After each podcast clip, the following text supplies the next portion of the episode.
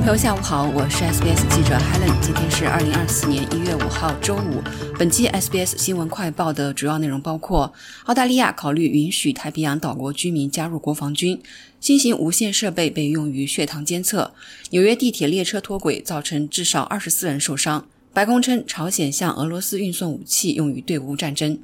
澳大利亚正在考虑增加武装部队新兵人数的方案，包括允许太平洋国家的居民来服役。国防人事部长马特基奥表示，政府正在考虑如何在征兵问题上增加澳大利亚武装部队的人数，其中一个方案是允许来自外国的人服役。虽然国防部队允许那些已经在英国或美国武装部队服役的人员进行调动，但基奥说，附近太平洋地区的国家也将被考虑。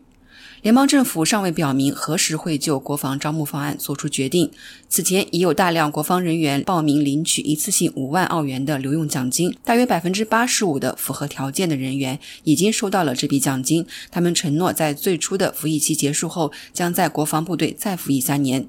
上一份联邦预算中预留了四亿澳元用于解决人员的外流问题。根据记录，二零二二至二三财年国防军的离职率为百分之十一点二，军队也未能实现留用目标。能将血糖水平传送到手机上的无线设备正被越来越多的一型糖尿病患者广泛使用，而且他们正开始作为一种普通的健康工具向所有人推销。澳大利亚国家糖尿病服务计划称，连续的血糖监测又称 CGM 或闪光血糖监测，可提供比扎纸血糖监测更多的信息，称可以帮助糖尿病患者将血糖水平控制在健康范围内。澳大利亚政府通过 NDSS 向符合和条件的人群，包括任何的一型糖尿病患者，提供 CGM 和 Flash GM 产品补贴。但一些专攻内科的医生担心，人们在使用这些工具时，往往会忽略其他重要的健康指标。对于血糖紊乱的患者，专家们说这些工具有很多好处，但也提醒说，它并不总是像扎手指检查那样准确。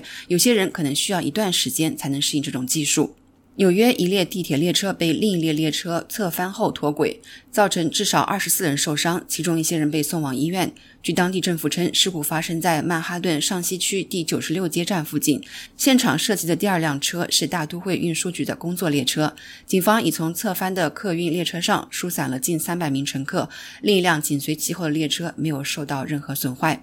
朝鲜领导人金正恩说：“生产导弹发射车是加强战争威慑力的关键部分。”据朝中社报道，金正恩参观了运输安装发射器制造厂，并在那里指出了军用车辆在遏制核战争方面的战略重要性。